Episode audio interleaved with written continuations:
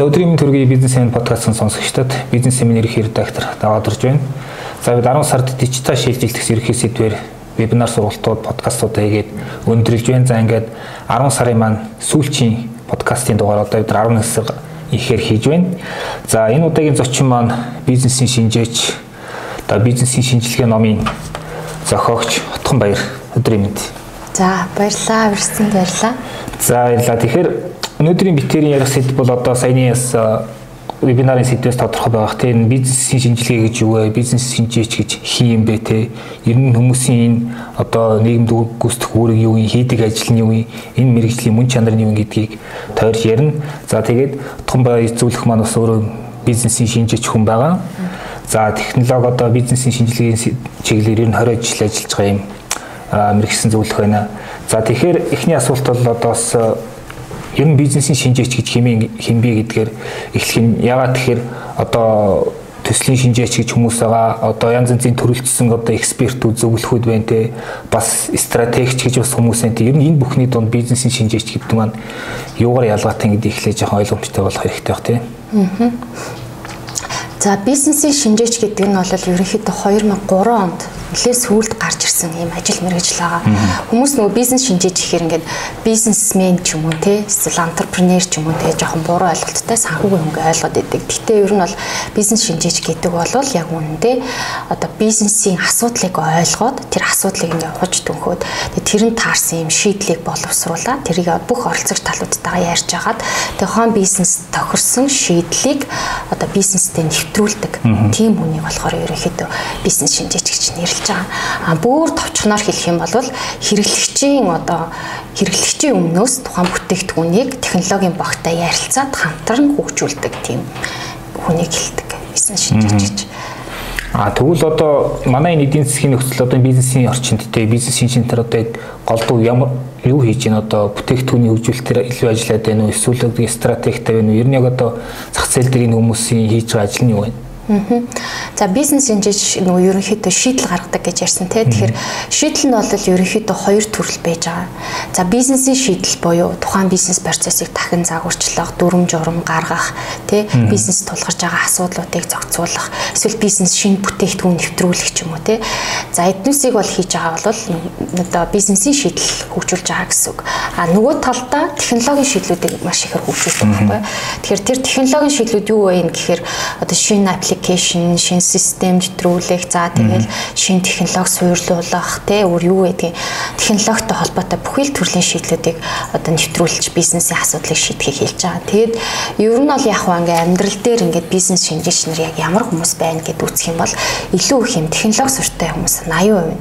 А яагаад тийм юм гэхээр угаасаа л биднээсийн бизнесийн орчинд технологи л угаасаа энэ асуудлыг шийдэж бид нар технологид даатгаж өгч чадчих байгаа шүү дээ. Тэгэхээр тэр утгаараа бизнесийн шинжээ шинжээч нар ерөөхдөө хоёр төрөл байгаа. Ихэнх нь 80% нь бол технологи суртаа бизнес шинжээч нар илүү их ажиллаж байгаа гэсэн үг.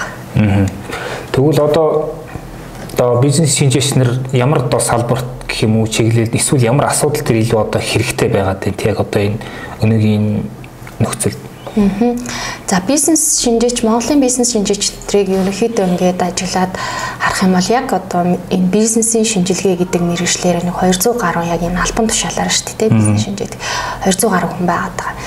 За энэ дотроо ингээд хоёр төрөл байгаад байгаа. Нэг нь болохоор яг нэг corporate буюу тий одоо том байгууллага дижитал шилжилт дээр ажилладаг а одоо бизнес шинжээч нар байгаа. За тэр бизнес шинжээч нар яадаг вэ гэхээр илүү их юм нэгээс хоёр систем дээр ингээд түлхүү ингээд бүр системийнхаа үн функцуудыг бүгдийг сайн мэддэг те тэрийг ингээд ашиглалтыг мэддэг. Тэн дээр юу нэмж яаж сайжруулах уу те гих мэтчлэн одоо том процессор нь ингээд авч яддаг ийм хүмүүс байгаад байгаа. А нөгөө талдаа болохоор ийм стартап компаниуд байгаа шүү дээ тэр тусмаа IT компаниуд. Тэнд байгаа бизнес шинжээч нар болохоор ихэнхдээ төслийн менежер гэдэг бас нэрийг давхар тийм үргийг хамтарч гүйцэтгэдэг. Тэгээд тэн дээр болохоор стартаптай ажиллаж байгаа болохоор маркетинг ааж хийн, тэгээ UX UI яаж гаргана, одоо системийн дизайн маркеттай ч оролцдог тий. За тэгээ тест ээж хийдэг, маркетинг ааж хийдэг ингээд илүү юм зөвхөн нэг продуктын олон функцуудыг хийдэг энерги төрлийн бизнес шинжээд байгаа. За сүүлийн үед болохоор бас ажил бизнес шинжээчүүд айгүйх гарч ирж байгаа. Тэгээд ажил болохоор ажил одоо төслийн хөгжүүлэлтийн явцад болохоор хийж байгаа бизнес шинжээч болохоор PMO буюу одоо product owner гэж нэрлэдэг байгаа. Тухайн product-ийнхаа яг эзэн нь болцсон яг юу хийхээ яахыг хэрэглэгчийн өмнөөс шийдээд хөгжүүлэлт хийгээд идэх гэсэн үг. Та түр ярил нь 200 гаруй хүн байгаа гэж байна. Тэгэхээр бас энэ хүмүүс ч одоо тусгай тиймүүд сертификатжуулалттай байх нь бас тий. Бас тэгээд одоо юу гэдгийг стратеги бол менежментийн юм хэрэгэлдэг төлөвлөд байна тий. Одоо төслийн стандартчууд гэх юм уу тэр талаар жоохон дэлгэрүүлсэн арга бол тий.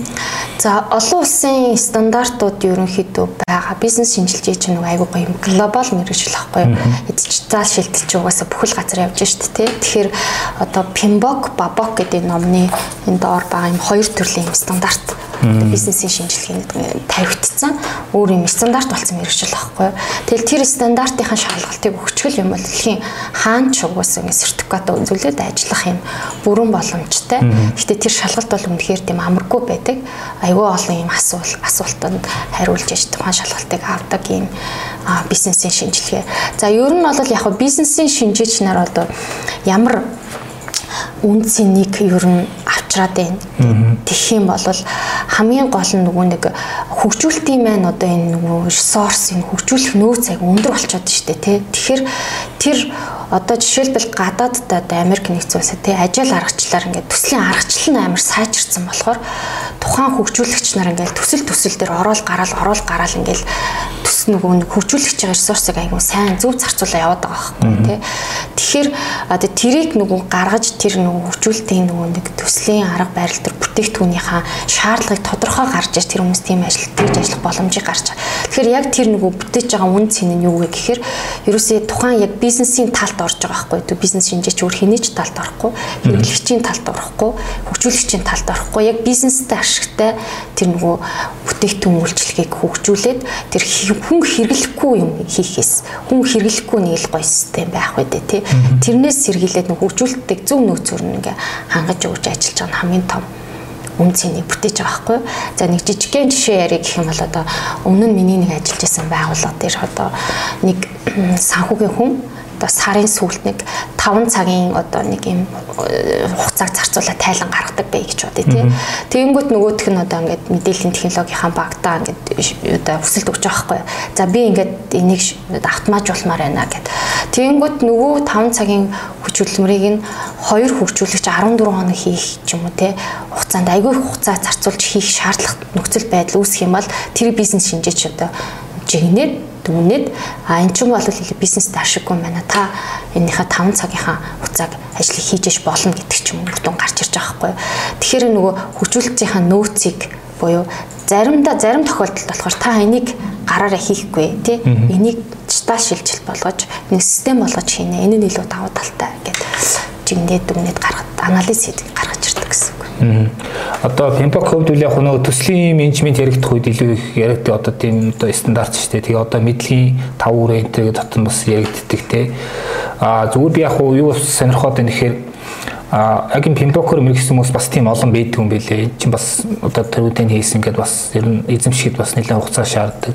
Одоо хай төвшний тийм мэрэгжлийн ур чадварууд шаарддаг шүү дээ. А юу сонирхох гээд нэхэр одоо ингээд за яг хувийн хвшлийнх ингээд тодорхой хэмжээгээр янз янзын ийм гоё стандартууд хэрэгжүүлээд нэвтрүүлээд гоё гоё төслүүд хөгжүүлээ явж байна. А нөгөө талд ингээд нэг төрийн янз янзын юм нэг төслүүд өгөх одоо түрүүн та ярьсан тэр нөөцийг зөв хуваарлах ингээд зөв зарцуулах гээд одоо төрийн өмчийн компаниуч гэдэг юм эднэр дээр л энэ одоо юу гэдгийг иймэрхүү стандартуудыг хэрэгжүүлмээр иймэрхүү арга барилаар хандмаар байгаа хгүй. Тэнд ч юм уу ерөөд ямар ч тийм одоо нэг За би өдөрт. Тий босоо өдөрт. Эрдэнэс тавталгаа гэдэг компанид харахад бол менежментийн баг ничнэж удаа солигдсон мэдгүй тэгээд тэд нар ямар стандарт бариад байгаа тэр их том одоо бүтц дээр нэг сони яваад баг зүгээр та хувь одоо хувь зөвлөх хүний хувьд те ер нь энэ ийм төрийн хийгээд байгаа ажлууд дээр ямар ч төслүүд дээр ер нь аль одоо чиглэлийн илүү одоо энэ пинбокх ч юм уу энэ бабокч гэдэг юм уу тэр нь ядаж хэрэгжүүлээд яачмар санагдах хөө зүгээр би таны бодлыг сонирхмаар. А би одоо нэг сүүлийн үед болохоор ингээд нөгөө одоо том корпорат байгууллагад ажиллаад стартап хийгээ тэгээ бас ингээд төрийн байгууллагатай хамтраад ажиллаад үзэхээр энэ төслийн менежментийн ур чадварын зөрүү бүр үнэхээр хол үнэхээр хол болчих. Тэгэхээр одоо яг хуу дээрэс бол шууд удирдлагаар бол төрийн юм дээр ингээд хийж байгаа ч гэсэн тэр нь болохоор яг нэг юм тийм бүтээмжтэй байх уу? Тэр хүний одоо шууд удирдлагын хэлж байгаа ажил нь үр дүнтэй байх уу? Бизнест ашигтай байна үнц нь авцарч гин үү гэдгийг бол тэр үнэлт дүнэлт хийх ямар ч юм боломж олохгүйгээр шууд ингээд оруулж ирж байгаа байхгүй. Тэгэхээр одоо хаан банк байна, одоо голомт банк байна, маш олон компаниуд энэ ажаал буюу яг нэг багийг гаргаад тэр багт одоо хүмүүс яг ажаал гэж яриад байгаа мөртлөө яг хэрэгжүүлж чаддаг байхгүй. Ажаал скрам аргачлж яг ингээд нөгөө бүтээгдэхүүн байх хэвээр дөрвөн рол хүмүүсийг оруулж байгаа дотор нь вакуумжуулж байгаа тусад нь гаргаж байгаа бүтээгдэхүүн хөгжүүлэх боломжуудыг гаргаж ирээд тэгээд богино богино хугацаанд ингээд бүтээгдэхүүнийхээ үр дүнгээ алдаагаа ойлгоод явждаг юм гоё аргачлалуудыг одоо ингээд хувийн секторт ч ингээд нэвтрүүлээд штэ тий. Тэгэхээр нөгөө талдаа ингээд төрөх юм болохоор одоо нөгөө их бүлээн зөвшөөрөөд гэх юм. Тэгэл маш их нөөцөн дээр сууж идэх тий. Нөө бүлээн зөвшөөрөөд одоо нөөцлийнхаа арга барилшлыг бас лөөшлөх хэрэгцээ бол байгаа л гэж үзэж байна. Бас нэг зүйл сонирхмаар нь одоо ингээд сүүлийн үед нөгөө STO өдр гэж ярьдаг болсон бас зарим нь одоо CIA гэж яриад одоо CIO CIO гэж яриад байгаа тий. Энэ одоо ийм технологи төр мэдээлэл хариуцсан одоо тийм гүйцэтгэх захирлууд бас стратегийн төвшөнд хүрээдэрлээ шүү дээ. Тэгэхээр энэ хүмүүс маань ер нь яг юу хийх хүмүүс юм те тэдний бас одоо мэрэгжлийн тэр нэг онцлог нь яг юу вэ? Энд дээр бас сонирхуулж яриад. За STO, SI, SIO гэдэг нь одоо юу вэ гэсэн үг? CIO гэхээр юу гэсэн үг вэ гэхээр юу яаж байгаа? Ер нь ингээд яг хуу төлөөлүүлээд хэлэх юм бол нэг юм хот суурингийн одоо хотын даргал гэсэн үг. Тэ? За хот орчин болохоор одоо нэг хот болгонд нэг систем байгаа байхгүй. Тэгэхээр тэр хотод 100 гаруй байшин байвал нэг нэг системийн нэг байшин гэж үзэх юм бол 100 гаруй байшинг ингээ удирдах байгаа байхгүй тий. Тэгэхээр зарим байшин ч юм бол одоо өнөө маргаашгүй ашиглалтандаас гарах тий. Одоо хуучирсан хүргээлхээ болж байгаа. Зарим маш гоё э, одоо байшин маш их одоо үнцэн бүтээж байгаа ч гэдэг юм тий. Тэгэхээр тэр олон одоо портфолио системүүдийг удирдаад буюу арай бизнесний шинжээчийн агсан төвшөнд гарч стратегийн төвшөнд одоо удирдах одоо ийм ажил үргэлж хэлж байгаа. Яг нэг одоо нэг 20 30 жилийн өмнө бол CIO гэдэг хүн чинь зүгээр л нэг технологийн ахлах байлаа шүү дээ тий. Тэгэнгүүт одоо энэ нөгөө дижитал шилжилт чи явагдсан гутаа энэ бүх юмыг энэ системээр одоо одоо технологиор шийдэд ирэхээр угаасаа тэр одоо технологийн ахлах гэдэг хүний үүрэгч өөрөөсөө асар өндөр болоод ерөөсөө л одоо байгууллагын бизнесийн стратегиуд чи ерөөсөө ямар системийг хаана ямар үнэтэйгэр эвтэйхэн бид нар нэвтрүүлж чадах вэ гэдгээс л ерөөс ингээд хамаарч байгаа байхгүй. Тэгэхээр яалтчгүй тэр хүмүүс бүр ингээд стратегийн төвшөнд гарч ирээд өнөөдөр ингээд одоо технологи суртаа мөртлөө бизнесийн асар өндөр мэдлэгтэй болоод ингээд өөрсдөө хөгжүүлээ явж байгаа тийм хүмүүс байна. За тэгэхээр одоо та бизнес шинжээч гэж одоо тийм мэдээлэл хийх хүнтэй ер нь яг одоо юу гэдгийг та тэр ажлынхаа одоо бахархалтай талыг нь яриг үл тэг юу нь танд илүү таалагдж байна тэг бас тэгээд одоо бизнес шинжээд гэдэг хүн бас ямар одоо ур чадварууд юм эзэмсэн байх хэвээр бас нэг тодорхой шалгуур байх хэвээр тэг энэ талаар ярил. За бизнес шинжээч гэдэг бол ерөөсөө нөгөө хаалтлаад гэж ярьдаг шиг те хагас цусны хагас цус нь одоо ингээд бизнесийн мэдлэгийг ингээд яатсан хагас цус нь ингээд технологийн мэдлэгийг ингээд хангацсан ерөөсөө ийм хүн хэлж байгаа хгүй те. Тэгэхээр технологиг бол бүр амар найрын төвшөнд бол мэдэх албагүй ч гэсэн ер нь яаж систем хөгжүүлэлт аппликейшн хөгжүүлэлтийн процессыг яаж явагддгийг ямар хүндрэлүүд тулгартыг ямар асуудлуудыг шийдэж болох уу гэдгийг бол бүр ингээд судлаад мэдсэн ийм төвшин орчны мэдлэг байдаг. Тэгэхээр бол яг энэ нөгөө нэг бизнес шинжээч нарын энэ нөгөө ур чадрууд бол маш их одоо шаардж байгаа. Жишээлбэл нөгөө нэг жижигхэн жишээ ярих юм бол манай бизнесийн шинжилгээний сургалтанд сууж исэн нэг технологи суртай бизнес шинжиж маа сургалтанд суусан байхгүй юу. Тэгээд буцаад одоо уулзаад ингээ за бизнесийн хэр сайн бизнес шинжиж болж гэн яаж гэн гэдээ асуусан чинь өмнө нь бол яг нь технологи суртай хүн багтаа ингээл компьютер дээр суугаад өөр өөр юм аа хийгээл ингээл бэж идэх хүн байсан юм байна л да.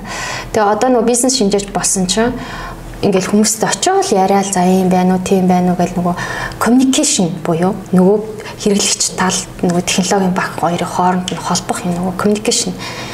Би ерөөсөө яриад ингээл мэйл бичээл яриад ингээ хоорондын харилцааг нь хангаад байж идэг ер нь тийм хүн болсон гэж байгаа байхгүй. Тэгэхээр ер нь бол хамгийн чухал ур чадвар бол яг энэ communication буюу одоо энэ хоёр технологийн багийг одоо ойлгоод тэндийн нэг шаардлага гаргах хэрэглэгчийн шаардлага гаргана гэж байгаа шүү дээ тий. Хэрэглэгчийн шаардлагыг цаасан дээр буулгаж яг зөв хүнд хэрэгцээтэй зөв шаардлагыг гаргах үнцэн байлна. Аа. Одоо ингээд технологи янз янзын шинэ ололтууд ингээл маш хурдтай амьдрал нэвтэрч шүү дээ. Одоо EA бол ингээ баг хэрэглэний одоо бизнесийн өдөртний амьдралын хэрэглийн нэг хэсэг болчлоо тий. Тэгэхээр ингээд яг уу энийг ойлгох нөө бид нар ойлгож авах хурд нь бас тэрийг гүйцэхгүй л юм л да. Гэтэл эн чинь одоо зайлшгүй зүйл болчлоо. Тэгэл цаашид одоо бидний өрсөлдөх чадвар бүтээмж гэл бүх юм нөлөөлөхөр болж байна тий.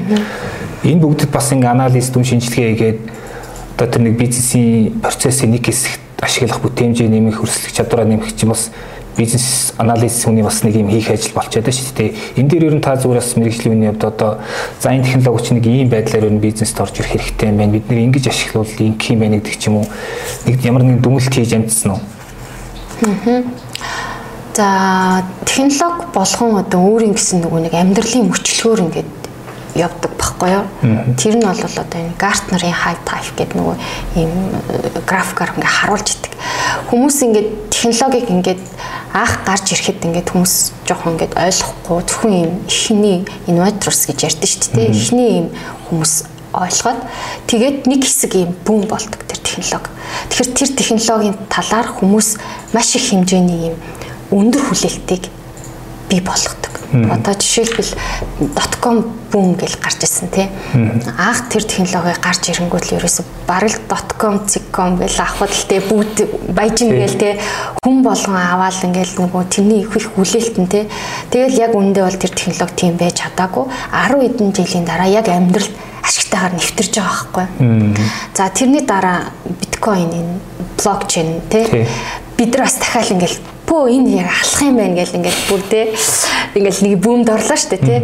Тэгээд одоо 3-5 жилийн дараа NFT болон блокчейн яг нөгөө амьдралд хэрэгтэй байдлаар хэрэгжинэ Одоо яг тэр нөгөө бүүм явчаад уналтын цэг дээр ирсэн байгаа байхгүй.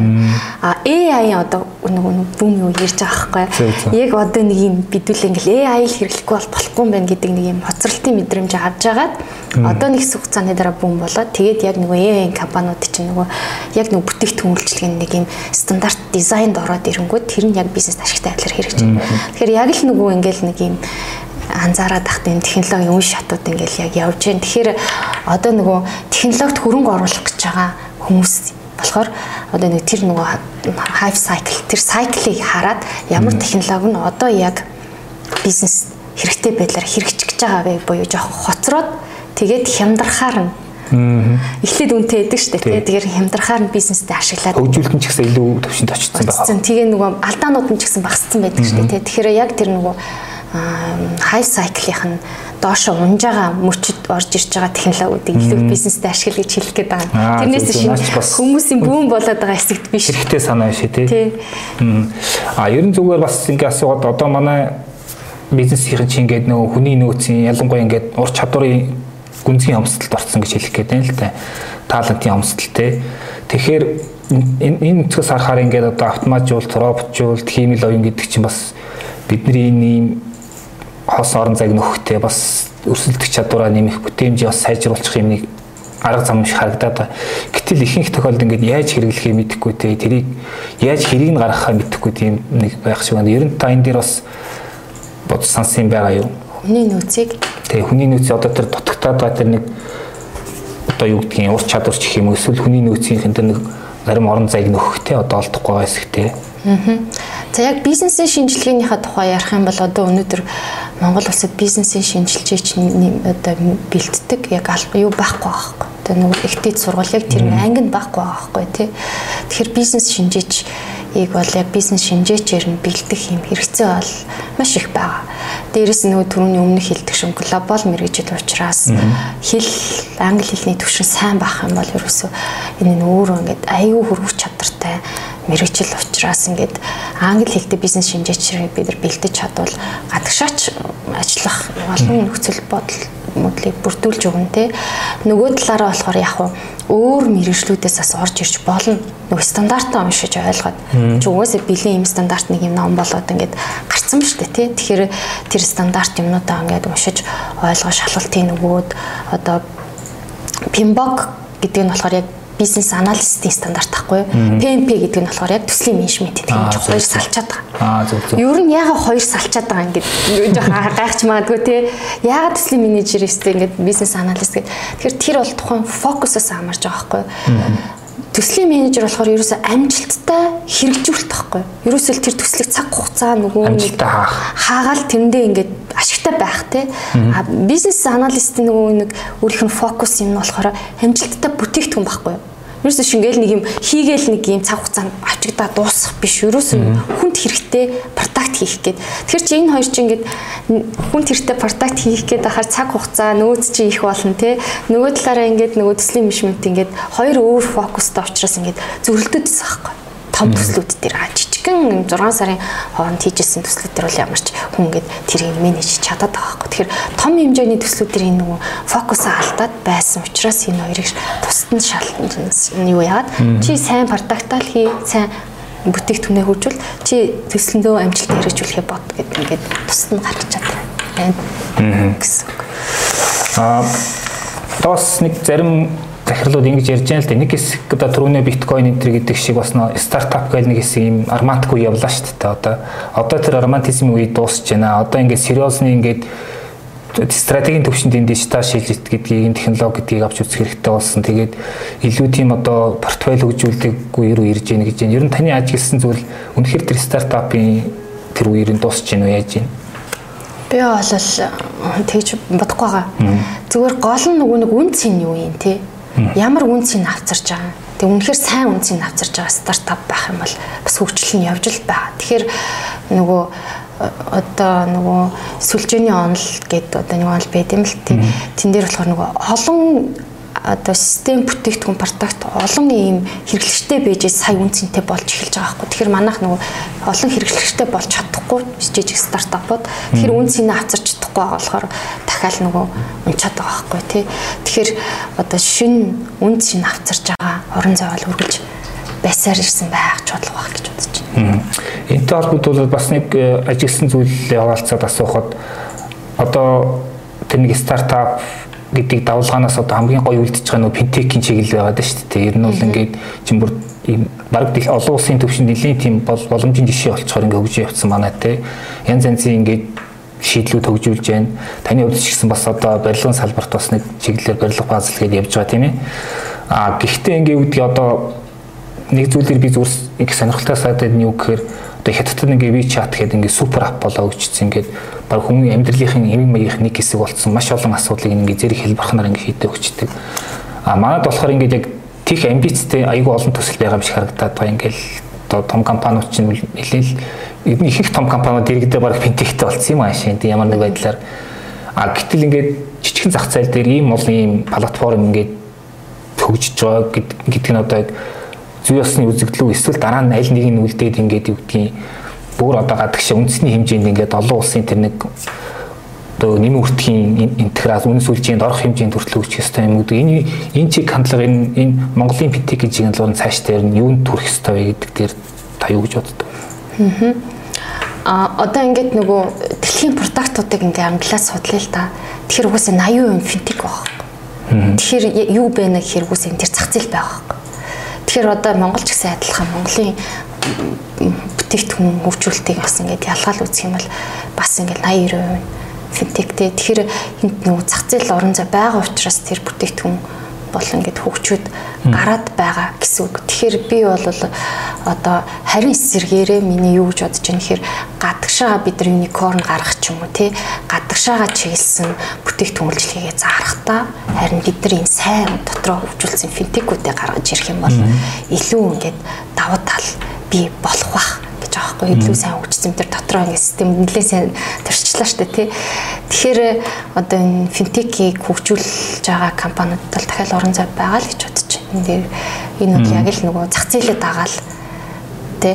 Одоо яг хөө ингээд сүүлд ингээд ер нь бол ингээд олон төсөл дээр ажиллаад ингээд анзаараад хахад ерөөсөө л зах зээл юм байна. Тий. Продакт. Тэгэхээр зах зээл байгаа газар муу продакт сайжрал явцдаг юм байл да. Тэгэхээр ерөөсөө филдэд байгаа стартапууд муудаа биш. Ерөөсөө зах зээл юмруул эсвэл нөгөө first mover гэж ярьдаг тийм хамгийн анхдагч болж маш их мөс зүсгэх ийм шаардлага гараад тэр тэр нөгөө маш их ресурс шаардж байгаа байхгүй. Тэр тэн дээр нөгөө стартап ч нөөц байхгүй болохоор унчаад шүү тийм. Тэгэхээр яг л нөгөө одоо энэ стартап финтекүүдийн үеэр нь а мөн харин эсэргээрээ гадны зах зээл рүү гарах тэр юмудаа илүү төлөвлөд зах зээл байгаа учраас энэ финтекүүд амжилттай. Нөгөө талаас одоо edutech, medtech одоо таны хөгжүүлж байгаа ямар тех л одоо нөө дижит те дижитех энтергээд тэд нар яг тэдний шиг юм бас том хүрээг нөө хүрээг хамарч чадахгүй байгаад шиг байна л да. За баярлалаа. Тэгэхээр одоо энэ чиглэлийн сэдвэр яриад бол бас зөндөө ярихаар байна. А тэгээ зүгээр сүүлд бас э, подкастын сүүлд танаас юу сонирхох вэ? Ер нь танай байгууллагатай энэ яаж хамтарч ажиллаж болохоор энэ бизнесийн шинжээ шийдэх юмнаас ингээд бэлдэж болдог мэрэгжил байх гэдэг шүү дээ. Энэ талаар мэдээлэл өгвөл. За бид нар болохоор одоо Impasoft компанитай хамтраад сүүлийн 2 жил бизнесийн шинжээч нарыг мэрэгшүүлэхийн сургалтын зохион байгуулж байгаа. Тэгэхээр одоо болохоор бизнес шинжээч маань яг энэ төрлийн нөгөө мэрэгжил маань ингээд байхгүй байгаа учраас ингээд одоо практик дээр сурцсан. Тэгээ яг нөгөө нэг сайн зөв хийгээд байгаа буруу хийгээд байгаа мэдэхгүй байгаа. Тэгэхээр бид нар яг тэрэн дээр нь ингээд яг бизнесийн шинжилгээний стандарт чинь юм шүү. Та яг ийм процессор яваад ингэж бизнесийн шинжилгээ хийх юм бол зөв болно гэдэг ийм сургалтуудыг хийж байгаа. За мөн бид нар сүүлийн мэдээллийн технологийн үндэсний парк дээр одоо тий ажил скрам буюу илүү их нөгөө одоо хүмүүс ажил гэдэг яхаар нэг одоо тасан цогцоод ажиллана гэж мэдээд идэг боловч ажил скрам аргачлал нь яг яад юм те ямар ямар ролтой ямар ямар үүрэг гүйцэтгэх daily stand up meeting гэл одоо айгүй олон дотор нэг практик үйлчлүүд байдаг байхгүй. Тэрийг ээжиж ажиглуулж байгаа яг утгаар зөв утгаар нь. Тэгэхээр тэрийг нь болохоор яг ингээ real project-уудээр ингээд коуч хийгээд яг одоо ингээд за та ингэ шаардлага гарга за та ийм ролтой байна. Та одоо энэ үед иймэрхүү хандлагатай ажилд одоо хандаж одоо ийм шаардлагуудыг ингэж бичинч гэдэг ч юм уу тий тэрийн практик сургалтуудыг хийж байгаа. Тэгэхээр бизнесийн шинжилгээний шинжээч болох гэж байгаа. Эсвэл тий ажил бизнес шинжээч болох гэж байгаа юм хүмүүстэй сургалтанд нь хүрэлцэн ирээрээ. Тэгээ сургалтанд сураа байгаарай гэж уриалж байна. За баярлалаа. За ингээд өнөөдрийн подкастыг өндөрлөе. Манай зочноор бизнесийн шинжээч, бизнес шинжилгээ номын зохиогч том баяр зөвлөх оролцлоо. За би тэрийг саяны ярьсан зүйлийг илүү одоо визуал байдлаар те слайдтай илүү баяжуулж хүлээж авахыг хүсвэл бизнесмен сайтын одоо вебинар болонгоос хүлээж авч болно шүү гэдгийг хэлье. За ингээд танд баярлалаа амжилт хүсье. Баярлалаа.